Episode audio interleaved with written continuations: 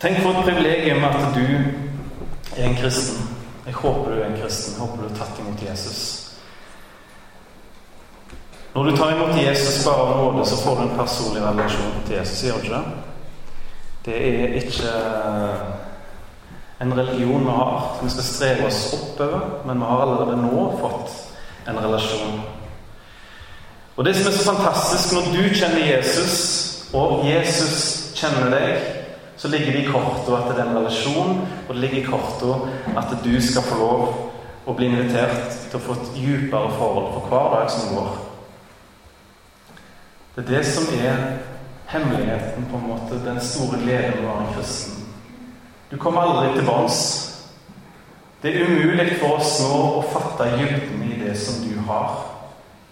Men så står det i Bibelen noe om allikevel at vi at vi skal be om å få lov å, å trenge dypere inn i det vi har. Og fatte dybden og bredden og høyden i det som vi har fått hos Jesus. Jeg skal snakke om nemlig Bibelen, for det er den som på en måte er veldig viktig når det gjelder å komme dypere i forhold til Jesus. Og bli mer kjent med ham. Uten Bibelen så er det umulig for oss å bli kjent med Jesus. Det har et par unntak som skjer, spesielt i muslimske land, der eh, Jesus bare åpenbarer seg i drømmer og syner for noen. Det er unntaket. Men normalt sett så får vi bli kjent med Jesus gjennom Guds ord. Jeg skal begynne med Jeg har lyst til å vinkle det på to måter. Hva skjer hvis vi har lite Guds ord, og hva skjer hvis vi har mye Guds ord? Og så tror jeg vi begynner, De fleste vil ha den dårlige nyheten først, så vi begynner med, med den dårlige vinklingen. Hva skjer hvis vi har lite Guds ord? Den ytterste konsekvensen for Guds menighet hvis vi har lite Guds ord, det står i Hosea, kapittel 4, og vers 6. Så sier Gud Mitt folk går til grunne fordi det mangler kunnskap. Og fordi du har forkastet kunnskapen, skal jeg også forkaste deg. Og det er liksom det verste som skal skje når jeg og du legger Bibelen på hylla og mangler kunnskapen om Jesus. Og Som menighet så er det bare tidsspørsmål, og som enkeltpersoner før vi går til grunne. Det er på en måte den ytterste konsekvensen. Da går vi konkurs, og vi gir oss over i et syndig liv, og vi glemmer Gud. Vi har et eksempel fra Gammeltestamentet. For vi tenker at dette her skjer sjelden, men dessverre så har det skjedd mange ganger i historien. Spesielt med israelsfolket. De som skulle være Guds utvalgte folk. De som skulle på en måte være et forbilde og et lys for hele verden. De falt gang på gang og la Guds ord på hylla. Nå skal dere få et eksempel på akkurat det når det en gang skjedde. Midt i slutten av, eh, ja, i slutten av andre kongebok så står det om en konge som heter Yoshia. Og han var en god konge midt inne i en trist historie der det nettopp hadde vært to onde konger i Israel som hadde ført, ført Israel ut i grøfta. Og så kom det plutselig en god konge fram. Dette Joshia. Han ble konge da han var åtte år gammel. Og når han var 16 år gammel er ikke jeg noen av dere 16 år? Er, alle har bikka, skjønner jeg. Da han var 16 år gammel, så fikk han det for seg Vet Jeg skal rense landet nå for avguds, uh, avguder og avgudsdyrkelse. Så han fikk en reform i landet. Alle avguder på sjøen med dem. Og skulle på en måte fornye hele landet. Og Så gikk han en gang til og fikk opp tempelet og så at det begynner jammen å slå sprekker. Så han beordra ypperstepresten sin, eh, Hiskia, og sa til han Du, vi må få orden på tempelet. Kan du ta oss og finne de pengene som fins i kollekten, eh, som var i pengekista, samle de og gi de til sekretæren min, og så skal han sørge for å gi penger videre til byggefolk så de kan få orden på tempelet.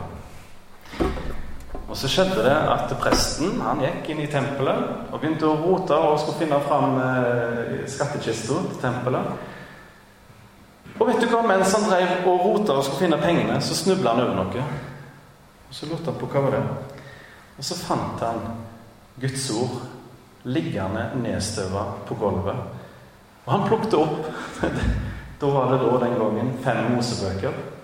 Så plukket han det opp. opp. Oi, der var en voldsom blåslyd. Han blåste støv av det, og så tenkte han jammen min dette var jo interessant. Og så gikk han og ga det til sekretæren, til kongen, og sa at jeg har funnet, jeg har funnet Guds ord i tempelet. Kanskje det er interessant for kongen å høre hva det er. Og så fikk kongen denne boka her. Og så leste sekretæren den opp for kongen. Så står det Da kongen hørte ordene i lovboken, altså Guds ord, flerret han klærne sine. Og det neste han gjorde, var Kan noen av dere gå og spørre Herren om råd for meg. For jeg forstår nå at vi er i dype problemer. Vi har gått langt vekk ifra Gud. Vi har drevet her med ytre aktiviteter. Vi har trodd vi er på rett spor. Men nå kom Guds ord og viste at vi er langt ifra ham. Og så må legg merke til at kongen sier det til ypperste presten og de andre prestene. Og så må han si til dem, for de er jo langt vekk fra Gud. Kan dere finne noen som kan tale Guds ord og tale Guds vilje til meg? Så må hele biskopen og ypperstepresten og hele gjengen de må lande gjennom byen. For de har funnet ut at det er på andre siden av byen så det er ei profetinne som heter Hulda. Og hun har kontakt med Gud. Hun er en av de få menneskene som fortsatt har kontakt med Gud.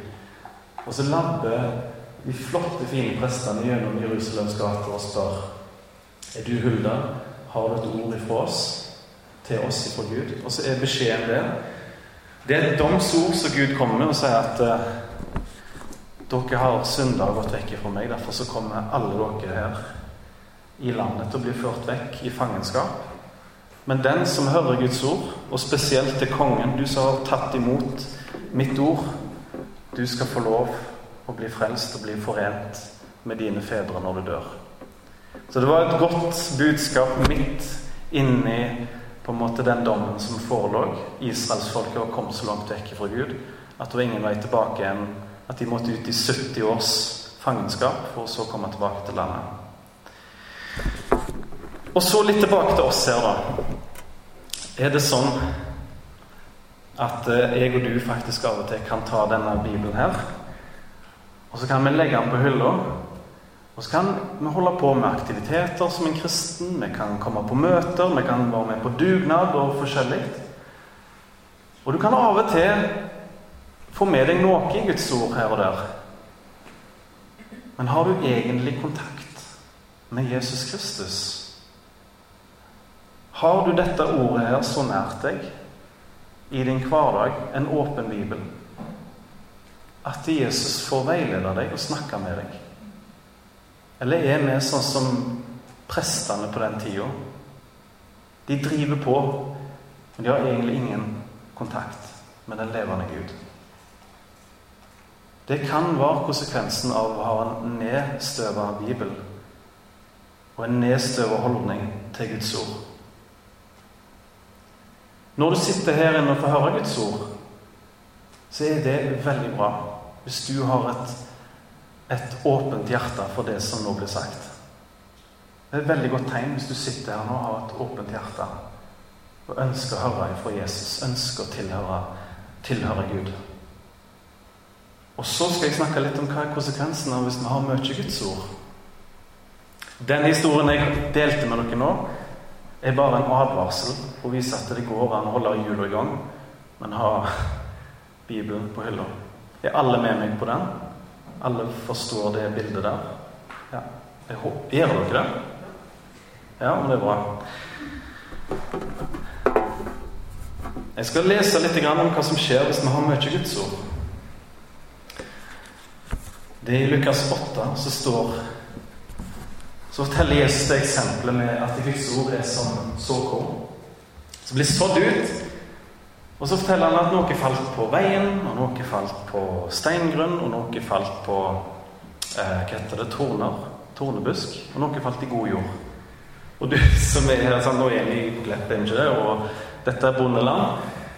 Og du tenker hva for en bonde er det som driver og sår ut korn på vei, og, og i tornebusker har han ikke peiling hva han holder på med? Hva er dette for en bonde?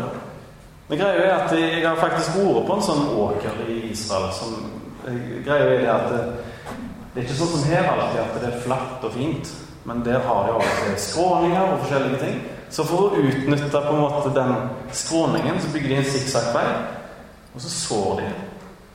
Og så er de heldige, så sår de noe i god jord.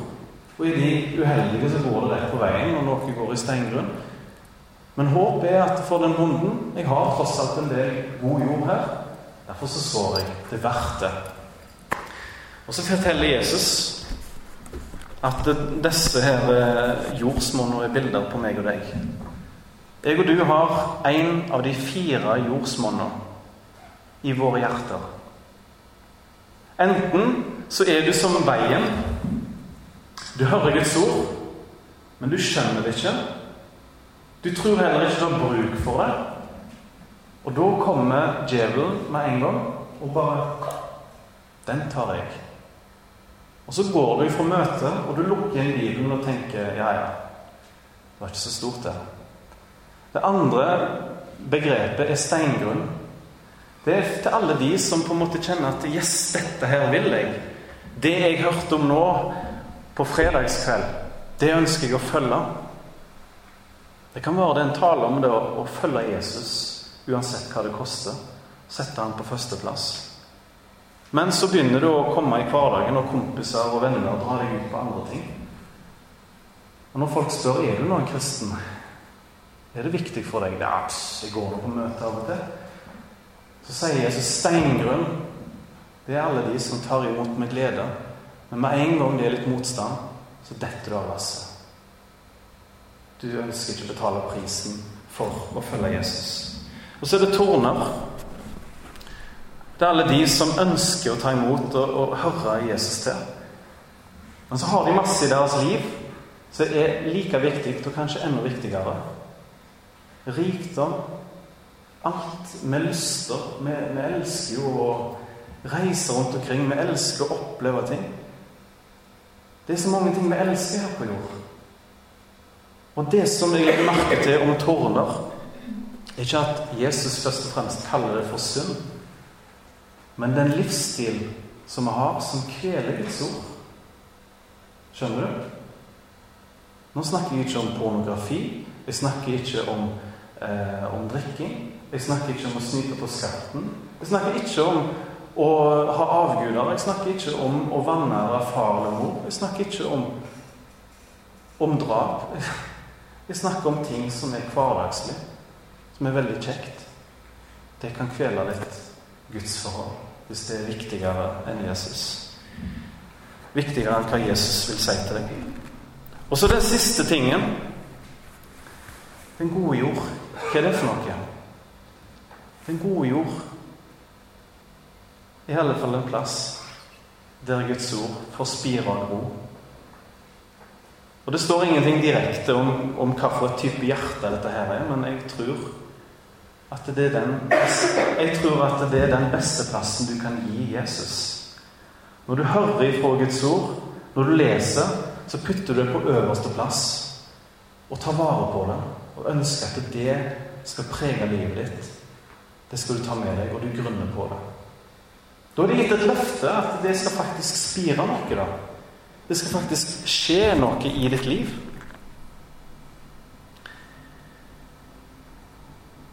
Og Det som er greia, er at av og til så degraderer vi Guds ord. Vi møter på steingrunn, men på en måte når vi havner i en gitt situasjon, så bikker vi av. Og husk at djevelen er mester i å degradere Guds ord. Det første fristelsen han ga Eva, det var Har Gud virkelig sagt? Når det er snakk om denne frukten på det treet som var forbudt å ete av. Har Gud virkelig sagt? Og sånn gjelder alt Guds ord. At du måler opp Er det noe så farlig med den tingen der? Er det noe så viktig med det der? Er ikke det 2000 år gammelt? Paulus var ikke han bare et barn av sin tid når han tenkte disse tingene her? Men Gud har virkelig sagt det som står her.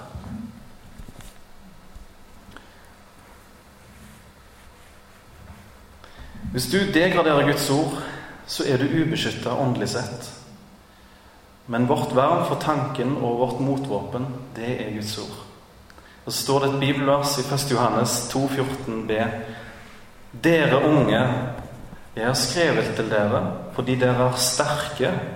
Og hvorfor er de sterke? Jo, det står Guds ord blir værende i dere, og dere har seiret over den onde.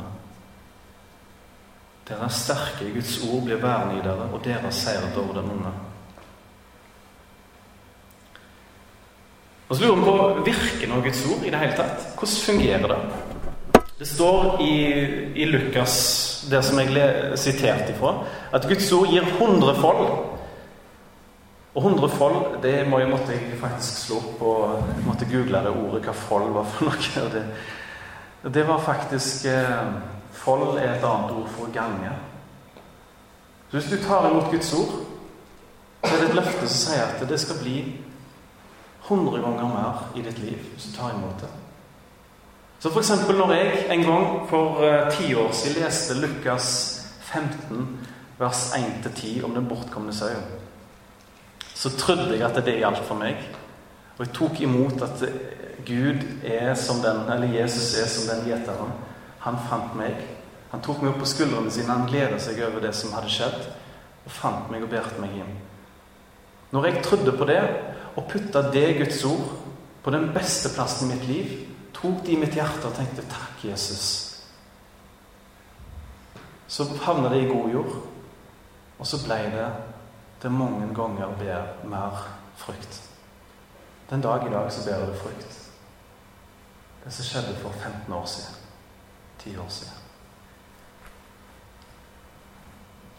Og Guds ord det er litt sånn komplisert av og til. For det Hvor mange av dere har mikrobølgeovn? Ja, ikke sant? Hvor mange av dere vil ikke at, at ting bare skal si pling med en gang? Og der har vi det. Men det er det som er litt uh, casen med Guds ord. Og det er det som mange er fortvilt over. At de, de leser det, og de, leser, de, de tar kanskje et skippertak, og de hører en ekstra tale den dagen om mange ting, og så er det sånn Men hva skjedde med meg nå, da? Og så sier Guds ord at det er et spirende ord. Du legger ikke alltid merke til utviklingen. Og Derfor er det mange som gir opp bibelstudiet, for det virker så treigt. Og så er fristelsen at vi bare tyr til andre åndelige triks. Vi finner ut hva, hva gjør andre Hva gjør andre for å få en åndelig opplevelse? Kan vi reise der til? Kan vi besøke den enheten der? De driver med et eller annet nytt på, på markedet som virker veldig bra. Og så ønsker vi å ha en sånn mikrobølgeovn, kanskje. Få det her og nå. Og jeg tror mange ting fungerer her og nå. Jeg har opplevd når jeg har gått på en skikkelig smell og synda, og så har jeg bedt Gud om tilgivelse, og så har jeg fått tilgivelse der og da. Noen ting sier pling med en gang du ber Gud om det. Men mye av livet i lag med Jesus, med bibelstudiet, det er en prosess som ofte tar lang tid. Jeg opplevde f.eks. Når jeg ble omvendt for ja, jeg ble omvendt når jeg var 18 år, og så gikk jeg på mange smeller. Så når jeg var 21 år, så måtte jeg begynne på ny igjen.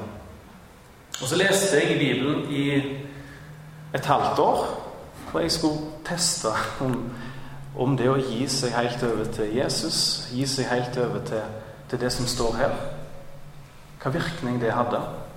Etter, etter et halvt år så hadde jeg lyst til å gi opp. Og Så fortsatte jeg noen måneder til. Så plutselig så begynte andre å si at nå skjedde det noe med meg. Og jeg bare Hva da? Nei, det er et eller annet som foregår med deg. Og så måtte jeg spørre Jesus om dette her er noen psykologiske greier. For nå har jeg liksom Jeg har holdt meg vekk ifra det miljøet der med å være ute på byen og bare gjøre akkurat som jeg vil. Og nå er jeg her med en annen gjeng. Vi er med kristne, stort sett. Og etter åtte måneder så, er, så begynner det å skje noe med meg. Er ikke det bare naturlig grunn? Og så leste jeg i i Guds ord og trengte en, på en måte en forklaring. En bekreftelse fra Gud at det er faktisk sånn at jeg har gjort noe med deg. Og Så leste jeg i Lukas evangelium kapittel 13 vers 6-8. Så står det en lignelse. Jesus fortalte også den lignelsen. En mann hadde et fikentrø plantet i vingården sin.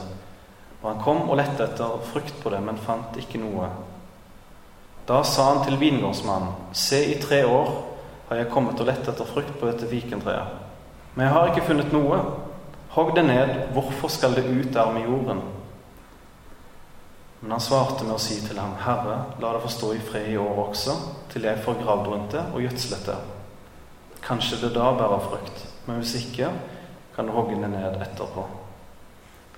For å sette litt sånn enkle ord på den lignelsen, nå Han mannen som hadde fikentre planta i vingården sin, er Gud. Det er Gud Fader. Han er den som har full oversikt og eier alt. Og så har han en sønn som steller med.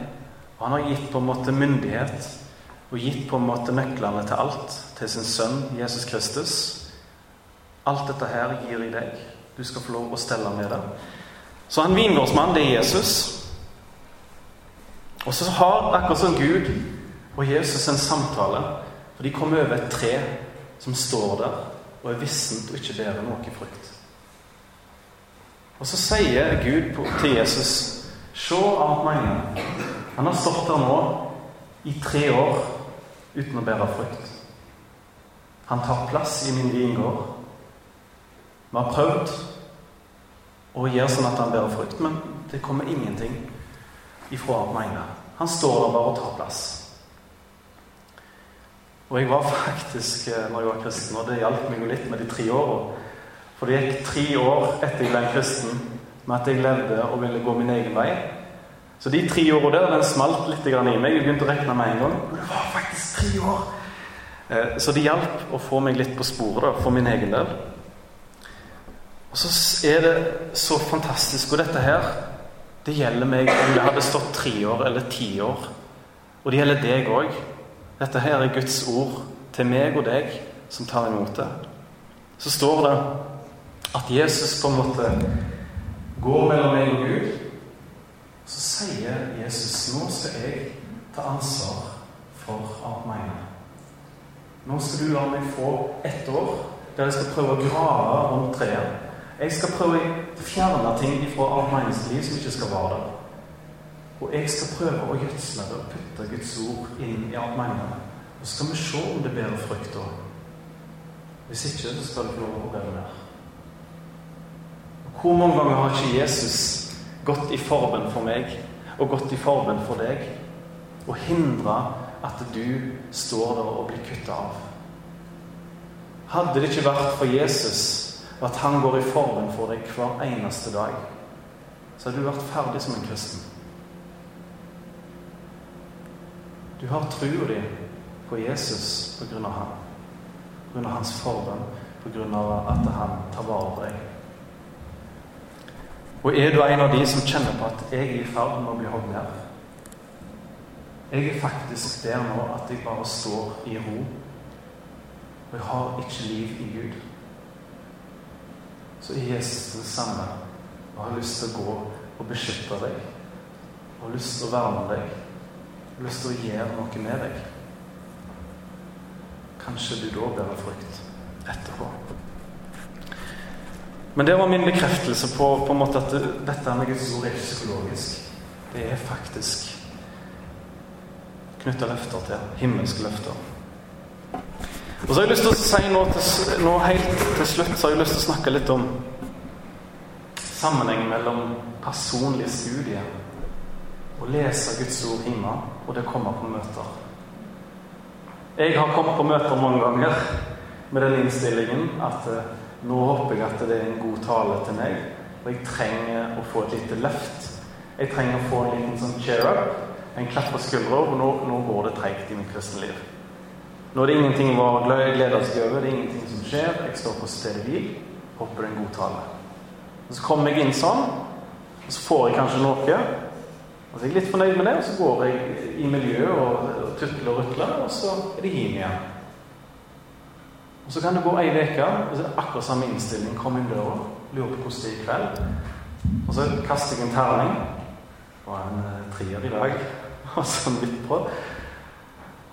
Og så tenker jeg Er det sånn Gud har tenkt at vi skal ha det? Er det sånn at Gud har tenkt at jeg skal holde på? Så leser jeg et bibelvers om dette her. Hva holdning vi skal ha. I eh, Kolosserbrevet 3,16.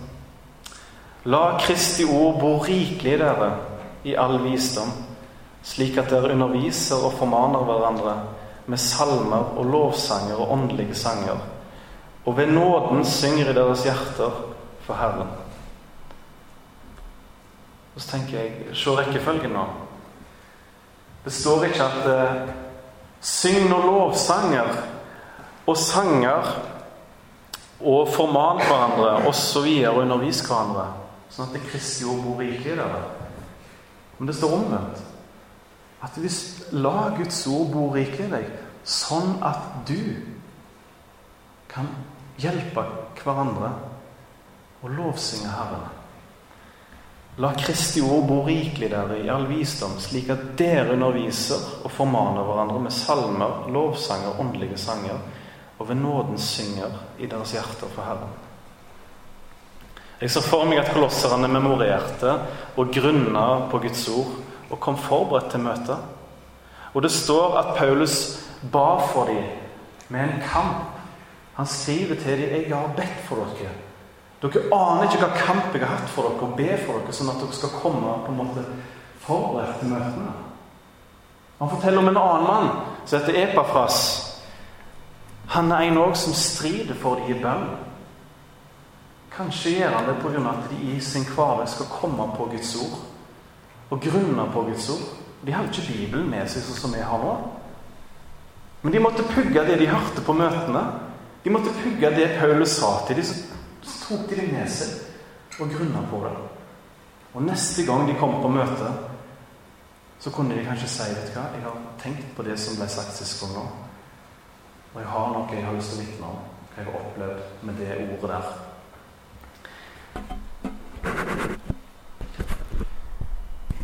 Fantastisk hvis alle hadde den innstillingen der. Og alle kom liksom sprekkferdige på møtet og hadde sånn På vitnemøtene så var det med ti, ti hender i været. Eller en kø. Tenk om det hadde vært sånn hver gang. Og nå kom jeg her som en gjest. Og nå kan dere faktisk sitte her og tenke ja, nå har vi sånn. Hva er det du sitter og om?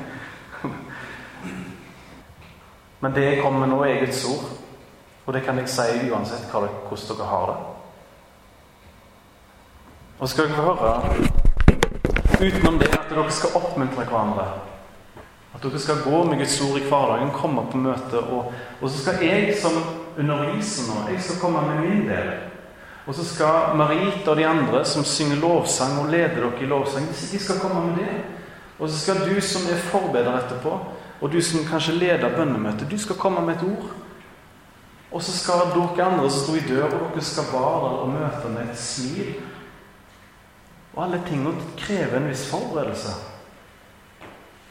Og du som kom her til og tenkte jeg hadde ikke oppgaver Vet du hva, Det fins noe som heter de spontane oppgavene. At du kan få et ord ifra Gud så du kan få lov å dele med dine brødre og søstre. Enten kanskje dere har det offentlig her, at dere kommer fram og griper mikrofonen. Eller du kan dele det i grupper eller med noen du treffer på på møtet etterpå. Og det aller beste er jo hvis det faktisk er en kristen Nei, en ikke-kristen som kommer inn på møtet. For det hender at det er ikke-kristne på møtene våre. Og kanskje er det en eller ei her som ikke er kristen. Nå skal jeg bare avsløre hvordan Bibelen sier om det som vi håper at en ikke-kristen skal få oppleve. Alltid en risiko, jeg vet ikke om du er kristen eller ikke kristen, men nå skal du høre eh, hva som er tenkt, i alle fall. I første Korinterbrev, kapittel 14, vers 24 til 25, så står det noe utrolig spennende. Det er det siste jeg skal lese for dere. Men om alle taler profetisk, og en vantro eller ukyndig kommer inn, blir han overbevist av alle. Han blir dømt av alle. Og slik blir det som er skjult i hans hjerte, avslørt. Og så vil han falle ned på sitt ansikt, og han vil tilbe Gud og vitne at Gud er sannelig blant dere. Det er meningen at du skal få et møte med Jesus når du kommer her. Og du som eventuelt ikke tror på Jesus, du vil få et møte med Jesus gjennom at mennesker vitner om ham, forteller om ham. Noe har jeg sagt, noe har de i lovsangen sagt. Noe har dere bedt i deres bønner, og noe vil bli sagt på tomannshånd. Og så står det her at alle kan tale profetisk. Det er et bilde for meg at alle har noe å bidra med. Alle har noe å gi i denne potten som gjør at vi blir oppbygd, og at mennesker blir frelst.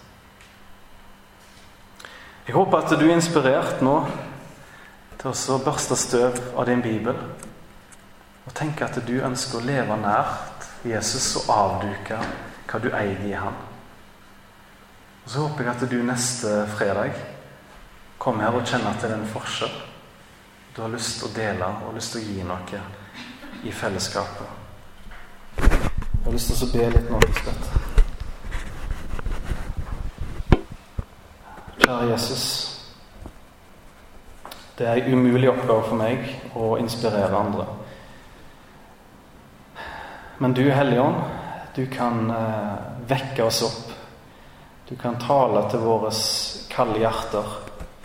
Du kan gjøre hjertene våre varme og gjøre sånn at det blir som god jord. Som gjør at ditt ord kan spire og gro der. Jesus, jeg bare ber om at vi skal være sånne som lever nær deg i hverdagen, sånn at vi kommer sammen til gudstjeneste. Så har vi lyst til å gi noe. Vi har lyst til å legge noe i potten. Sånn at møtet blir veldig bra. Og du velsigne alle som er her. Og du velsigne Marita og lederne og styret og alle de som er her. La de få oppleve at de får noe å gi på møtene. Og må du gjøre sånn også, Jesus, at hvis det kommer noen her som ikke kjenner deg, Jesus, la de forstå at du er her, Jesus, og vil møte dem. For ditt navns skyld, Herre. Amen.